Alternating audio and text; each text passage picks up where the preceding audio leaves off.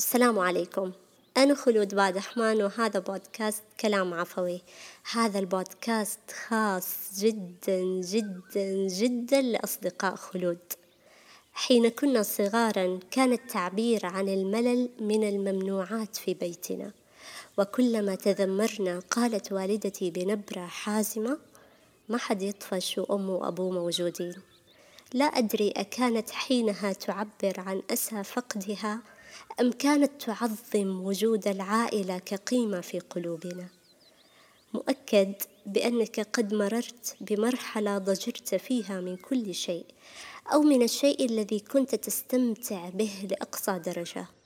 شعور طبيعي لشخص ناضج مر بمختلف مواقف الحياة والتي لا تسير بوتيرة واحدة. قبل فترة كنت أغالب شعور ضجر بداخلي. أتجاهله تارة وأصرح به تارة أخرى. ولا أخجل من التصريح بحالات الضجر التي تنتابني كإنسان طبيعي تحيط به مسؤوليات الحياة والتزاماتها. يحاول الوصول فينجح مرة ويفشل مرات ويعيد اختراع ذاته كل يوم رغم ضجره.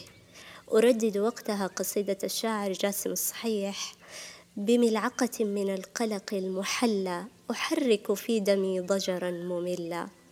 من الطبيعي أن تمر بالضجر أحيانا لأنك في خضم كبد الحياة ومشقتها. المستراح بجنة أما هنا يا أيها الإنسان إنك كادح. كنت أقرأ في كتاب علم النفس والأدب ثم استوقفني هذا الجزء. يقول الكاتب وإنما ينشأ الضجر عن عجز المرء عن نقل الرغبة من الإمكان إلى الفعل. ذلك لأن الضجر لا يمكن أن يكون فقدان الرغبة. فمن لا يرغب في شيء لا يضجر بل يرضى بما هو عليه من حال. كما أن من يملك رغبة قوية ويعمل على تحقيقها بنشاطه لا يتسرب إليه الضجر لأنه منصرف إلى عمله مشغول به. وإنما يضجر المرء حين تستيقظ في نفسه رغبة ثم يحس بعجزه عن تحقيقها ويظل يعاني تجربة العجز هذه إلى أن ييأس من رغباته فإذا الفراغ يحيط به من كل صوب وإذا الضجر يملك عليه شعاب نفسه. انتهى. لم يخطر في بالي أن أسأل ذات يوم لماذا يضجر الإنسان؟ ولكن تأتي الإجابات أحيانا قبل الأسئلة.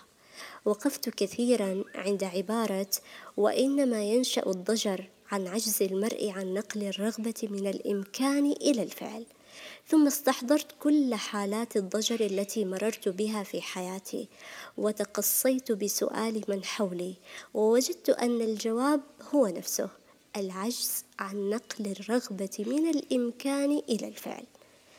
حين تسأل في محيطك وداخل دائرتك لن تتعدد الإجابات بكثرة لأنك تتشابه معهم في الكثير من القناعات. وحين تأملت في إجاباتهم وجدت أن هذه الإجابة هي لسؤال أكثر دقة. لماذا يضجر إنسان وهو صاحب معنى وقيمة ورسالة؟ استحضرت دعاء النبي صلى الله عليه وسلم. اللهم إني أعوذ بك من الهم والحزن والعجز والكسل والجبن والبخل وضلع الدين وغلبة الرجال.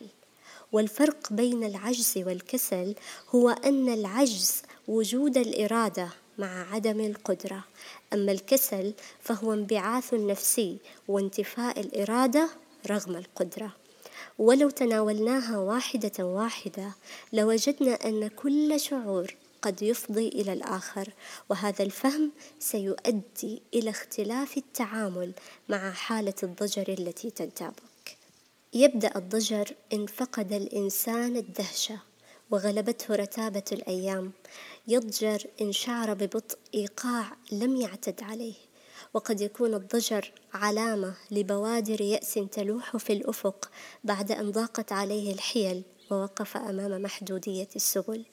لذلك فهو بمثابة إشارة تحذيرية تخبرك عن ضرورة تغيير شيء ما وإعادة النظر في طبيعة أيامك وكيف تسير. كنت أفكر ما هو عكس شعور الضجر وبعد تأمل عميق وجدت أن الأمل واستمرار التوق هو شعور مضاد للضجر. لا يمكن أن يجتمع في قلبك شعور الضجر والأمل في وقت واحد. وكلما كنت مترعا بالأمل تقازم الضجر في قلبك. وكلما تعاظم أملك وتوقك طال سعيك. أريدك أن تعرف أن الضجر حالة طبيعية يمكنك أن تتعامل معها. ابحث في مسبباتها وناقشها مع من يفهمك. حاول موائمة إمكانياتك الحالية مع خطواتك وأحلامك. كي لا تصل لطريق مسدود يودي بك للضجر. جدد في حياتك قدر استطاعتك وخذ مساحتك من المتعة كما تأخذها من الجد.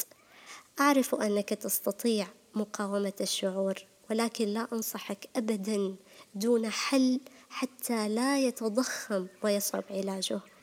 اعمل بجد ولكن قبلها تمسك بأورادك اليومية وأذكارك وافهم معانيها. نوع من أنشطتك اليومية وابقى برفقة من يحبوك. شكرا لاستماعكم. لا تنسوا مشاركة الحلقة مع الناس اللي تحبوهم بس اللي تحبوهم ونلتقي بإذن الله تعالى في حلقات قادمة.